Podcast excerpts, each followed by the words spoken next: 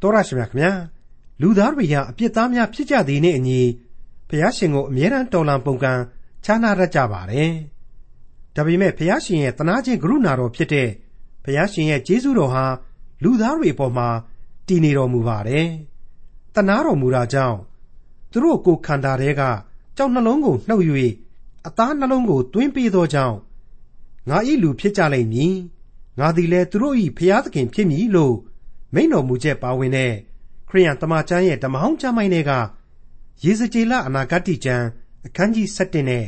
အခန်းကြီး7တို့ကိုဒီကနေ့တင်ပြရတော့တမန်ကျမ်းအစီအစဉ်မှာလေ့လာမှာဖြစ်ပါတယ်။ဖျားရှင်ဖော်ပြတော်မူသောဗျာဒိတ်ယူပါယုံနဲ့မိတ်ဆွေတော်မူချက်တွေဟာ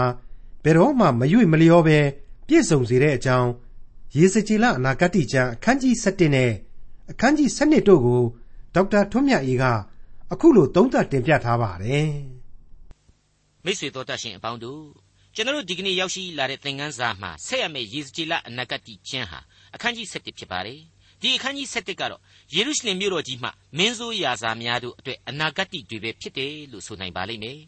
အခုအချိန်မှဆိုရင်ဇေဒကိမင်းနဲ့တကွမင်းအစိုးရအာဏာပိုင်အပေါင်းတို့ဟာယေရုရှလင်မြို့တော်ကြီးမှာရှိနေကြဆဲဖြစ်တယ်ယေရုရှလင်ဟာလည်းအကျွင့်မဲ့ဖြစ်စည်းခြင်းမခံရသေးဘူး အပြည့်သက်ကျွန်ပြုတ်ခြင်းခံရတဲ့ဘဝသို့မရောက်သေးဘူးဒါကြောင့်မလို့ဒီအုပ်ချုပ်သူလူဒန်းစားများရှိနေသေးတယ်ဆိုတာကိုကျွန်တော်နားလည်ထားဖို့လိုပါတယ်ဘယ်လိုပဲပြောပြောပါတိုင်းပြည်ကြီးတစ်ခုလုံးကတော့ဘာဘူးလုံကျွန်နဲ့သိပ်ပြီးတော့နန်နေပြီကျွန်အဖြစ်နွန်နစ်ဖို့လက်တကန်းလေးပဲလိုနေပြီဆိုတာသိကြနေပါတယ်အခုယေစကျေလအခန်းကြီး7အငယ်1နဲ့9ဟာအခုလိုဖွင့်ဆိုပေးလိုက်ပါတယ်ထို့နောက်ဝိညာဉ်တော်သည်ငါ့ကိုချီ၍ အရှိဘက်သို့မျက်နှာပြုသောထာဝရဘုရား၏အိမ်တော်အရှိတကားသို့ဆောင်းသွား၍တကဝ၌လူနှစ်ကျိတ်၅ယောက်ရှိ၏သူတို့တွင်မင်းပြူသောသူအဇုရသာယာဇညာဘေနေယသာပေလတိတို့ကိုငါမြင်၏ဗျာဒိတ်တော်အသံကအချင်းလူသားဤသူတို့သည်မကောင်းသောအကြံကိုကြံစီ၍ဤမြို့၌မတရားသောတိုင်ပင်ခြင်းကိုပြုသောသူဖြစ်ကြ၏သူတို့ကအမှုမရောက်သေးအိမ်ဆောက်ကြကုန်အံ့ဤမြို့သည်အိုကင်းငါတို့သည်အမဲသားဖြစ်သည်ဟုဆိုရကြ၏ တို့ဖြစ်၍အိုလူသားသူတို့တစ်ဖက်၌ပရောဖက်ပြု၍ဟောပြောလော့ဟုမိန့်တော်မူ၏ထိုအခါထာဝရဘုရား၏ဝိညာဉ်တော်သည်ငါအပေါ်သို့တက်ရောက်၍သင်သည်ဟောပြောလော့ထာဝရဘုရားမိန့်တော်မူသည်ကားအိုဣသရေလအမျိုးသင်တို့သည်ဤသို့ပြောဆိုကြပြီသင်တို့ကြံစီသမျှတို့ကိုငါသိ၏အမှုမရောက်သေးဘူးတဲ့အဲ့ဒီလိုဣသရေလတွေဟာတိုင်ပင်နေကြတယ်ဆိုပါလားအဲ့ဒီလိုအမှုမရောက်သေးဘူးဆိုတဲ့အသံကိုတိတိကျကျမိတ်ဆွေတို့နားဆင်ကြည့် အမှုရောက်တော့မယ်ဆိုတာကိုတော့သူတို့ခံစားနေရပြီဆိုတာဟာရှင်းနေပြီပြဿနာတက်တော့မယ်ဆိုတာကိုသိနေကြသားပဲဆိုတဲ့အနှစ်သာရကိုလည်းဖော်ပြနေပြီဟုတ်ပါတယ်လူတ attva ဟာဘုရားသခင်ပေးအပ်ထားတဲ့အသိဉာဏ်ရှိပါတယ်ဝိညာဉ်သဘောလည်းရှိပါတယ်ရှိတဲ့ကြားတဲ့ကပဲတော်လှန်ပုန်ကန်လူချင်းချော်တော်ငို့လူချင်းဆိုတဲ့ဇာတိပဂရိစိတ်တွေလွှမ်းမိုးမှုတွေကြောင့်သာစာရမဏတ်ဤဘက်ကိုကူးရောက်ကြခြင်းပဲဆိုတာကိုသတိရစရာရှိနေပါတယ် အခုဆိုရင်ယေရမိအနာဂတ်တဲ့ဆက်ဆက်စဉ်းစားတိုက်တယ်လို့ကျွန်တော်ပြောချင်ပါတယ်မင်းတို့သေချာပေါက်ကျွန်ဖြစ်ရမယ်ဟိဘာဘူးလုံကိုမင်းတို့အလျှော့ပေးပါဆိုတာကိုဣသရေလတို့လက်မခံခဲ့ဘူးတစ်ချိန်တည်းမှာအမှုရောက်ချင်းရောက်မယ်ဒါပေမဲ့ရောက်လေပါဖြစ်လေအခုမရောက်မှမရောက်သေးပဲဒါကြောင့်မလို့ကြိုတင်ပြီးတော့ဘုရားသခင်ကိုငါတို့အသနာခံကြမယ်ဆုတောင်းကြမယ်အလိုတော်ကိုလိုက်လျှောက်ကြမယ်ချင်းကပ်ကြမယ်ဆိုတာကိုသူတို့မတွေးခဲ့ကြဘူးအဲ့ဒီအတိုင်းပဲအခုယေစကျေလရဲ့ယူပါယုံတဲ့ကဣသရေလမင်းဆိုရာဇာတွေ အဲ့ဒီလိုသူတို့မတွေးခဲ့ကြဘူးသူတို့ဘာကိုတွေးနေတယ်လဲဆိုတော့အိမ်ဆောက်ကြမယ်ပျော်ပျော်ကြီးစားကြတောက်ကြမယ်သင့်လျော်မယ်ထင်တယ်လို့စိတ်တိုင်းကြနေကြထိုင်ကြမယ်ပြီးတော့အရှုံးမပေးဘူးကိုအားကိုကိုမယ်အဲကုတ်ထုနဲ့ပေါင်းမယ်စသဖြင့်တွေးကြတဲ့လက္ခဏာတွေပေါ်လွင်လာပါတယ်အဲ့ဒါကိုကျမ်းစကားကတော့ဤမျိုးသည်အိုကင်ဖြစ်တယ်ငါတို့ဟာအမဲသားဖြစ်တယ်ဆိုတဲ့အချက်နဲ့ဖော်ပြပေးလိုက်ပါတယ်အမှတ်တမဲ့ဆိုရင်တော့အမျိုးသားရေးသူရဲကောင်းကြီးတွေလို့ သူတို့စွန့်လွတ်စွန့်စားကြမယ်ပျော်ပျော်ကြီးအသေးခံကြမယ်ဆိုတဲ့အတိတ်ဘယ်ကိုတစ်ဖက်ကယူနိုင်ပါတယ်ဒါပေမဲ့ဘုရားသခင်ရဲ့ပရောဖက်ယေရမိဟာသူတို့ကိုဘုရားသခင်အဆုံးအဖြတ်ကိုဖော်ပြထားပေးခဲ့ပြီးပြီဖြစ်တယ်လို့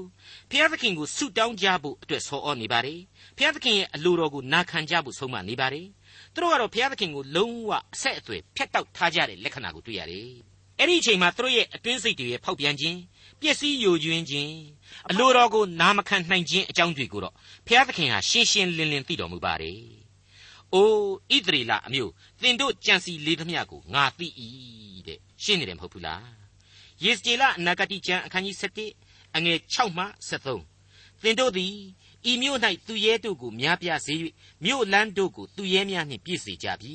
ထို့ကြောင့်အရှင်ထာဝရဘုရားမိန့်တော်မူသည်ကသင်တို့ထားသောသူရဲတို့သည်အမဲသာဖြစ်၏ဤမြို့သည်အိုးကင်းဖြစ်၏သို့တော်လည်းသင်တို့ကိုမြို့တဲကငါထုတ်မည်သင်တို့သည်ဓာကိုကြောက်သည်ဖြစ်၍ငါသည်ထိုဓာကိုသင်တို့အပေါ်သို့ရောက်စေမည်ဟုအရှင်ထာဝရဘုရားမိန့်တော်မူ၏ငါသည်သင်တို့ကိုမြို့တဲကထုတ်ပြီးလျှင်တကြွတနိုင်ငံသားတို့၏လက်သို့အပ်၍အပြစ်ဒဏ်ကိုစီရင်မည် သင်တို့သည်ဓာဖြင့်ဆုံးရှုံးကြ၍ဣသရေလပြည်စွန်းမှငါစစ်ကြောစီရင်သဖြင့်ငါသည်ထာဝရဘုရားဖြစ်ကြောင်းကိုသင်တို့သိရကြလိမ့်မည်ဤမြို့သည်သင်တို့၏အိုကင်ဖြစ်ရသင်တို့သည်လည်းအိုကင်း၌အမဲသားမဖြစ်ရကြဣသရေလပြည်စွန်းမှငါစစ်ကြောစီရင်သဖြင့်ငါသည်ထာဝရဘုရားဖြစ်ကြောင်းကိုသင်တို့သိရကြလိမ့်မည်အကြောင်းမူကား သင်တို့သည်ငါ၏တရားလမ်းသို့မလိုက်ငါစီရင်ချက်တို့ကိုမဆောင်သင်တို့ပတ်လည်၌နေသောလူမျိုးတို့၏ထုံးစံဓလေ့တို့ကိုလိုက်ကြပြီဟုမိန့်တော်မူ၏ထိုဗျာဒိတ်တော်စကားကိုငါသည်ဆင့်ဆို၍ဟောပြောစဉ်တွင်ဘေနာယသာပေလတိသည်သေ၏ငါသည်လည်းပြတ်ဝ၍အိုးအရှင်ထာဝရဖေဟာကြံ့ကျွင်းသောဣသရေလအမျိုးသားတို့ကိုဆုံးရှုံးစေတော်မူမည်လောဟုကြဲသောအသံနှင့်ကြွေးကြော်၏လူသားတွေရဲ့တွေးခေါ်မျှော်မြင်မှုတွေဟာအကုန်လုံးဖွဲ့ကြည့်ပဲ ကိုယ့်ရဲ့မာမာနနဲ့ကိုတွေးတာမျောလင့်ဓာတ်တွေဟာအကုန်ကြပြောင်းကြပြန်ဖြစ်ရစေမယ်ဆိုတာကိုဘုရားသခင်အလေးနဲ့ဖော်ပြလိုက်ပါတယ်ထူးခြားနေတဲ့အချက်တစ်ခုကတော့ယေစကြည်လာဟာအဲ့ဒီလိုယေရုရှလင်မြို့တော်မှာအထိစိတ်ဝိညာဉ်အရာသွားရောက်ရယုံတယ်မကပဲနဲ့ဘုရားသခင်ရဲ့ဗျာဒိတ်တော်ကိုပါအသံပြုတ်ခွင့်ရခြင်းပဲဖြစ်နေပါတယ်ကျွန်တော်ရှင်းလင်းပြတ်သားစွာနားမလည်နိုင်ပါဘူးဒါပေမဲ့ဘုရားသခင်ဘုန်းတော်ရောင်ဝါဟာသူ့ကိုခေါင်းကနေစုကိုင်းပြီးတော့ယေရုရှလင်မြို့တော်ကြီးကို ပို့ဆောင်ပေးတော်မူခဲ့တယ်ဆိုတာကိုပြီးခဲ့တဲ့သင်ခန်းစာတွေမှာကျွန်တော်တို့တွေ့ခဲ့ရပြီးပါပြီဒီတော့ဘုရားသခင်ရဲ့ပရောဖက်ကြီးဟာဘုရားသခင်ရဲ့အလိုတော်နဲ့အညီသူ့ရဲ့စိတ်ဝိညာဉ်အဖြစ်ယေရုရှလင်မြို့တော်ကြီးမှာတွားရောက်ပြီးတော့အစွဲကပ်နေတယ်ဒါရင်မကသူဟာဗျာဒိတ်တော်သံကိုအဖဘုရားသခင်ထံမှတဆင့်ပြန်ပြီးတော့ပေးနေနိုင်တယ်ဆိုတာကိုတွေ့ရပါတယ်အဲ့ဒီအချိန်မှာပဲတော်လှန်ပုန်ကန်သူခေါင်းဆောင်တယောက်ဟာဖြင့်အဲ့ဒီနေရာမှာပဲပွဲချင်းပြီးသေသွားတယ်သူ့နာမည်ကတော့ပေလတီတဲ့ အဲ့ဒီအချိန်မှာယေဇကျေလဟာဘုရားသခင်ကိုကြွေးကြော်အသနာခံခဲ့တယ်ဆိုတာကိုဆက်ပြီးတွေ့နိုင်ပါတယ်ဟုတ်ပါတယ်ငါသည်လည်းပြတ်ဝ၍အိုးအရှင်ထာဝရဘုရားကြံကျွင်းသောဣသရေလအမျိုးသားတို့ကိုဆုံးရှုံးစေတော်မူမည်လောဟုကျဲသောအသံနှင့်ကြွေးကြော်၏မိတ်ဆွေအပေါင်းတို့ဣသရေလသမိုင်းမှာပေါ်ထွက်ခဲ့တဲ့ပရောဖက်ကြီးတွေအကုန်လုံးဟာအမျိုးသားရေးဝါဒီကြီးတွေကြီးတာဖြစ်ပါတယ်သူတို့ရဲ့မျိုးချစ်စိတ်ဓာတ်တွေအပေါ်မှာလက်မှန်ကိုရောက်အောင် အမြင်သစ်တွေနဲ့ဘုရားသခင်ကဖုံးလွှမ်းပေးပြီးတော့သူတို့ကိုအသုံးပြုခဲ့တာပဲဆိုတာကိုကျွန်တော်တို့သိနာလည်ထားဖို့လိုပါတယ်ခံယူထားဖို့လိုပါတယ်အမျိုးကိုချစ်တယ်ဆိုတဲ့နေရာမှာနီလန်းမှန်ကန်စွာချစ်ရလိမ့်မယ်အဖဖျားသခင်ရဲ့အလိုတော်နဲ့အမိန့်တော်ကိုနာခံဖို့အဓိကလိုအပ်နေတယ်ဆိုတာတွေ့ကိုဒီနေရာမှာယေစကြည်လအဖြစ်သင်ခန်းစာယူသင့်လှပါတယ်ယေစကြည်လအနာဂတိကျမ်းအခန်းကြီး7အငယ်14မှ21ကိုဆက်လက်နားဆင်ကြကြပါ တဖန်ထာဝရဘုရား၏နှုတ်ကပတ်တော်သည်ငါစီသို့ရောက်လာ၍အချင်းလူသားယေရုရှလင်မြို့သူမြို့သားတို့ကထာဝရဘုရားထံတော်မှဝေးစွာထွက်သွားကြလော့ဤပြည်ကိုငါတို့အားအပိုင်ပေးတော်မူပြီဟုသင်၏ညီအကိုသင်၏အမျိုးသားချင်းဣသရေလအမျိုးသားအပေါင်းတို့အားဆိုတတ်ကြ၏ထိုကြောင့်အရှင်ထာဝရဘုရားမိန့်တော်မူသည်ကားသင်၏အမျိုးသားချင်းတို့ကိုတပားအမျိုးသားတို့နေရာဝေးသောအရတ်သို့ငါပြောင်းစေ၍ အတိုင်းတိုင်းအပြည်ပြည်တို့၌ဖြန့်ကျဲတော်လေသူတို့ရောက်သောပြည်၌ငါသည်သူတို့အဖို့တန်ရှင်းရာဌာနကဲ့သို့ခဏဖြစ်လိမ့်မည်အရှင်ထာဝရဘုရားမိန့်တော်မူသည်ကားသူတို့ကိုဖြန့်ကျဲသောလူအမျိုးမျိုးနေရာအတိုင်းတိုင်းအပြည်ပြည်တို့မှငါသိမ်းယူ၍စုဝေးပြီးလျင်ဣသရေလပြည်ကိုပေးမည်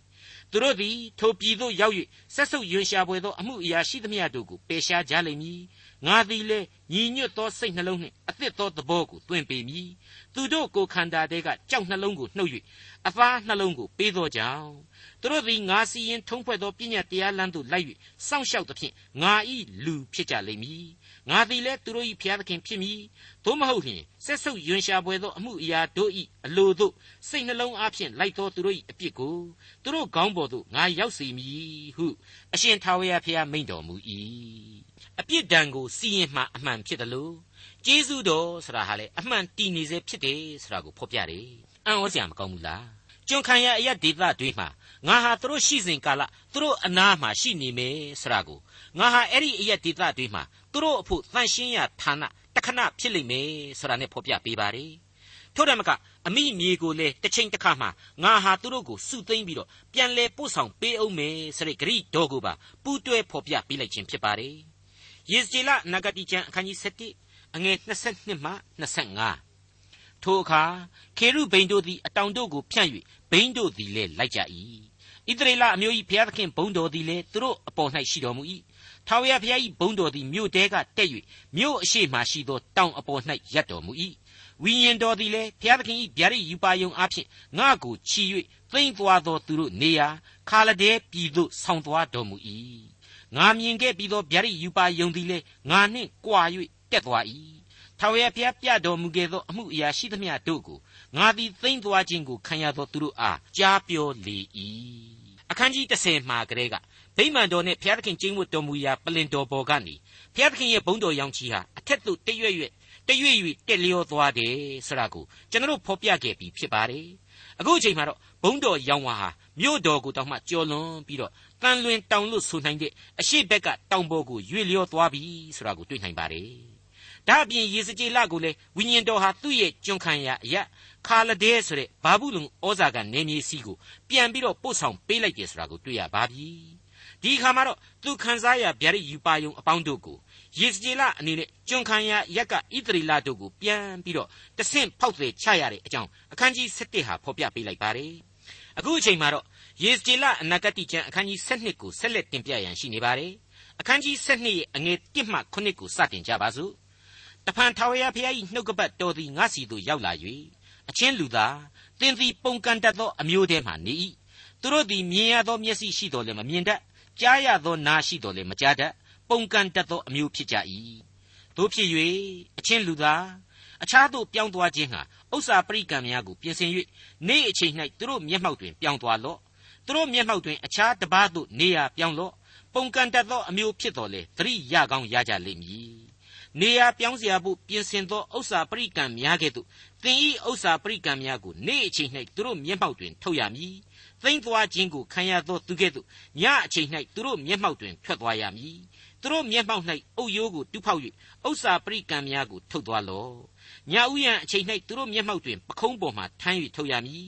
မြေကိုမမြင်ရအောင်မျက်နှာကိုဖုံးရမည်အကြောင်းမူကားသင်ကိုဣသရေလအမျိုးအားနမိတ်လက္ခဏာဖြစ်စေခြင်းဟာငါခန့်ထားပြီဟုမိန့်တော်မူသည့်အတိုင်းငါသည်သိမ့်သွားခြင်းကိုခံရသောသူ၏ဥစ္စာပရိကံများကဲ့သို့ငါ၏ဥစ္စာပရိကံများကိုနေ့အချိန်၌ထုတ်၍ညအချိန်၌အုတ်ရိုးကိုကိုလက်နှင့်တူးဖောက်ပြီးမှ ညဥ်ရန်အချိန်၌သူတို့မျက်မှောက်တွင်ပခုံးပေါ်မှထမ်းသွား၏ဒီအနာဂတ်ရဲ့အစာပိုင်းအခန်းတွေမှာကလေးကသူဟာဘုရားသခင်စေခိုင်းတဲ့တရုတ်ဆောင်ကြီးအဖြစ်ဗျာဒိတ်တော်တွေကိုပမာဆောင်အသက်သွင်းပြီးဖော်ပြပေးခဲ့ရတယ်ဆိုတာကိုကျွန်တော်တို့တွေ့ခဲ့ရပါတယ်။ဩအခုဆိုရင်အဲ့ဒီတရုတ်ပြအမွှန်းတင်ဂန္ဓဟာဆက်ပြီးတော့ပေါ်လာပြန်ပြီ။ဘာဘူးလုံလောင်ရိပ်ကဣသရေလများကနေတဆင့်ယေရုရှလင်မြို့တော်ကြီးအတွက်ဗျာဒိတ်တွေကိုထပ်မံဖော်ပြခြင်းပဲဆိုတာနားလည်ရပါတယ်။ ကတိကတ်လို့ပြောနိုင်ပါတယ်ဝေဖန်နိုင်ပါတယ်ဒါပေမဲ့ဒီအမှုတော်ဟာအင်မတန်စိတ်ဝင်စားစရာပဲဖြစ်လိမ့်မယ်ဆိုတာကတော့မငြင်းနိုင်ပါဘူးမြင်ရသောမျက်စိရှိတော်လည်းမမြင်တတ်ကြားရသောနားရှိတော်လည်းမကြားတတ်ဒါကြောင့်ပုံကန်တတ်သောဣသရေလတို့အတွက်အလွန်ထိရောက်သောတရုပ်ဆောင်မှုတရုပ်ပြအမွှန်းတင်တဲ့နီးနဲ့သတိပေးလိုက်ခြင်းပဲလို့ကျွန်တော်ခံယူပါတယ်မိတ်ဆွေအပေါင်းတို့အခုလိုမျက်စိရှိတယ်ဒါပေမဲ့မမြင်တတ်ဘူးနားရှိတယ်ဒါပေမဲ့မကြားတတ်ဘူးဆိုတာကိုဖော်ပြတဲ့အခါမှာ ကျွန်ဘဝကလွတ်မြောက်လို့ခါနန်ကိုတောင်အပိုင်စားရတော့မယ်ဆိုတဲ့လူမျိုးဘုရားသခင်စကားကိုနားမထောင်ရင်ဒုက္ခတွေလှလှကြီးရောက်ရမယ်ဆိုတာကိုလက်တွေ့ခံစားနားလေထိတွေ့ထားရတဲ့လူမျိုးတော်ဟာ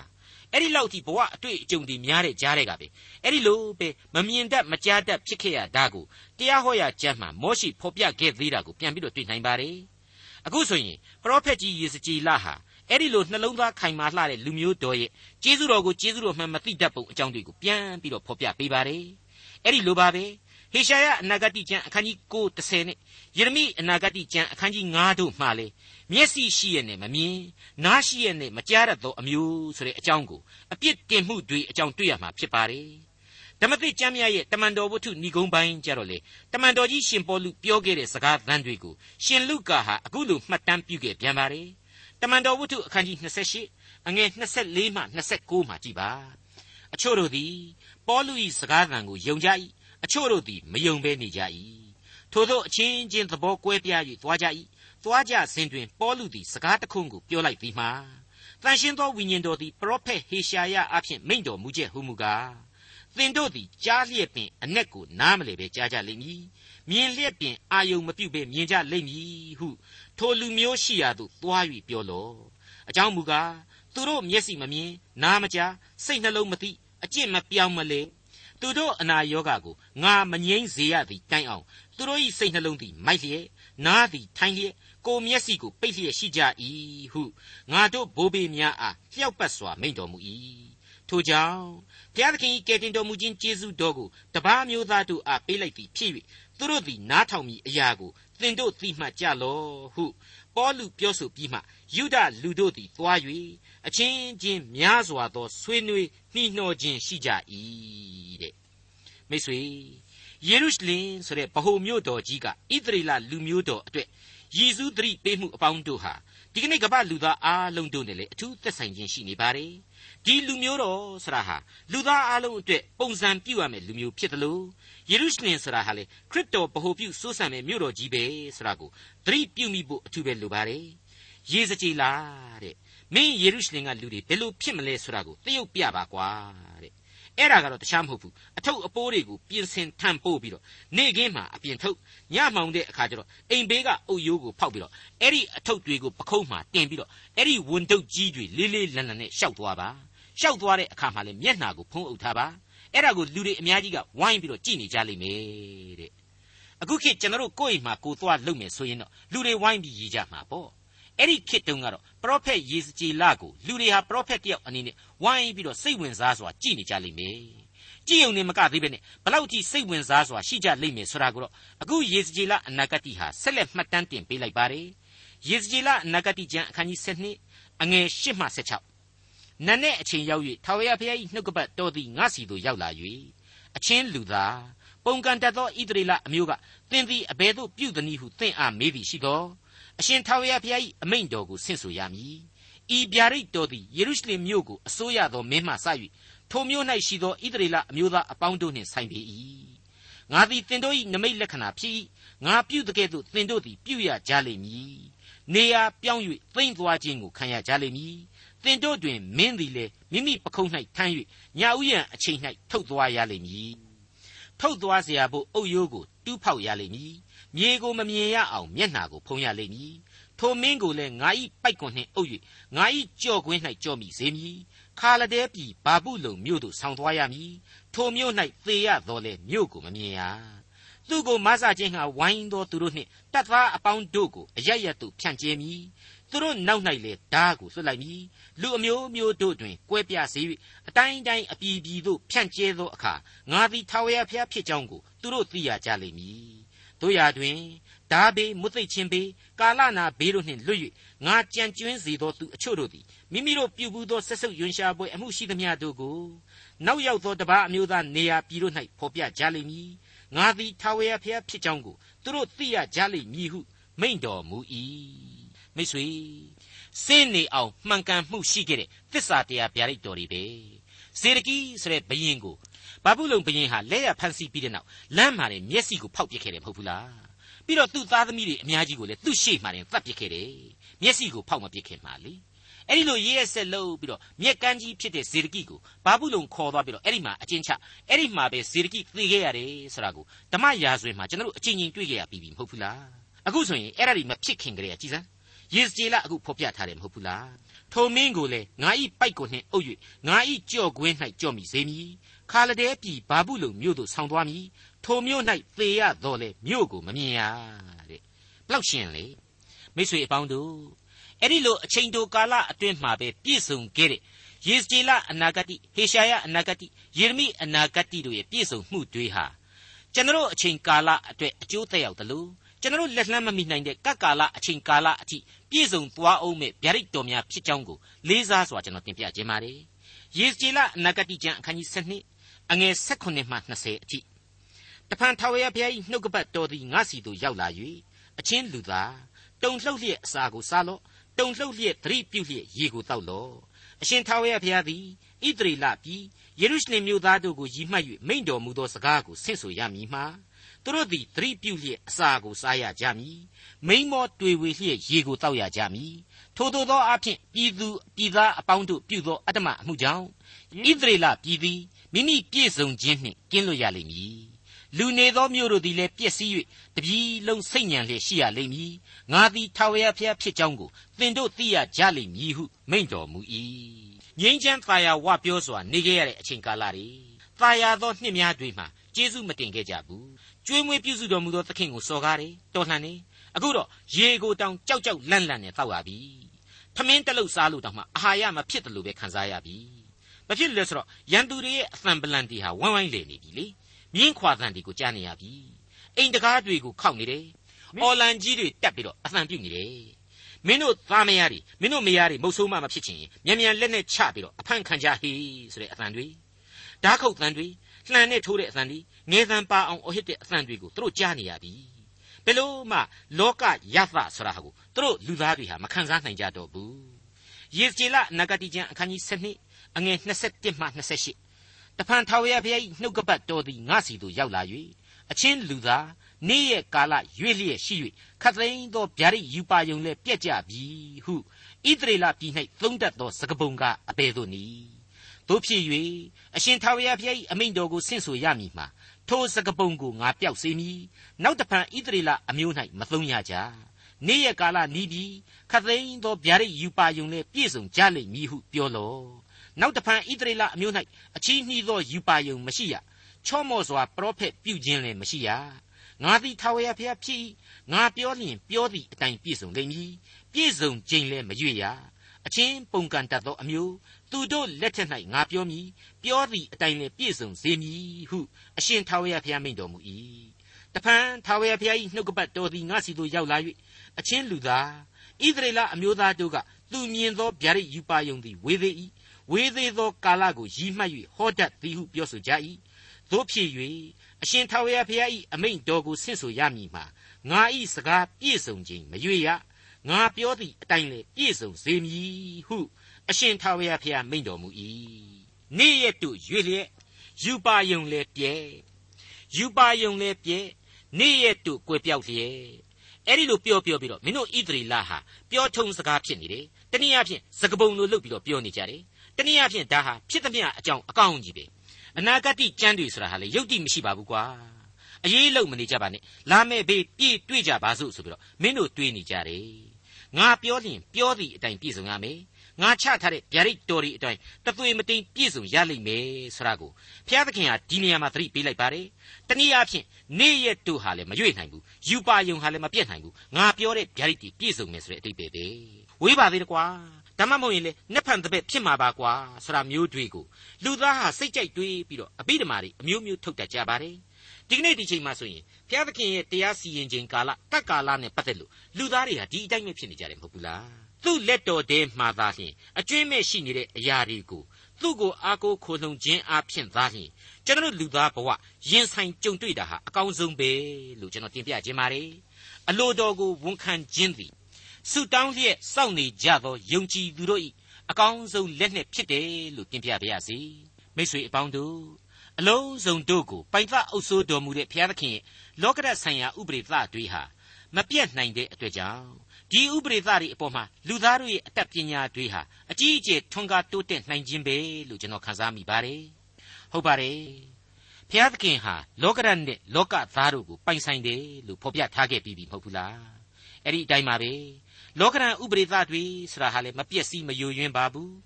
လောကရန်ဥပရိသမပြည့်စည်မယိုယွင်းလို့လေလူသားတို့ဟာအစင်းတစိုက်သေချေပြည့်စည်နေရမည်ဖြစ်ပါတယ် ဒီခါမှာတော့သူဟာဒီလောကရန်ဥပရိသကိုလူသားတို့ခုခံနိုင်ဖို့လူသားတို့ကြော်လွှားရင်ဆိုင်နိုင်ဖို့ရန်အတွက်ကဲတင်ချင်းတရားဥပရိသကိုချထားပေးပြီးဖြစ်ပါတယ်အဲ့ဒါဟာဖြင့်တခြားမဟုတ်ပါဘူးကယ်တင်ရှင်သခင်ခရစ်တော်အားဖြင့်ခံစားထိတွေ့ရသောကျေးဇူးနဲ့ဂရုဏာတော်ပါဒေါက်တာထွန်းမြတ်ရေးစီစဉ်တင်ဆက်တဲ့တင်ပြတော်တမချန်းအစီအစဉ်ဖြစ်ပါတယ်။နောက်တစ်ချိန်အစီအစဉ်မှာခရိယံတမချန်းရဲ့ဓမ္မဟောင်းကျမ်းပိုင်းတွေက ရေစကြည်လအနာဂတ်ကျမ်းအခန်းကြီး73ကိုလေ့လာမှာဖြစ်တဲ့အတွက်စောင့်မျှော်နားဆင်နိုင်ပါတယ်။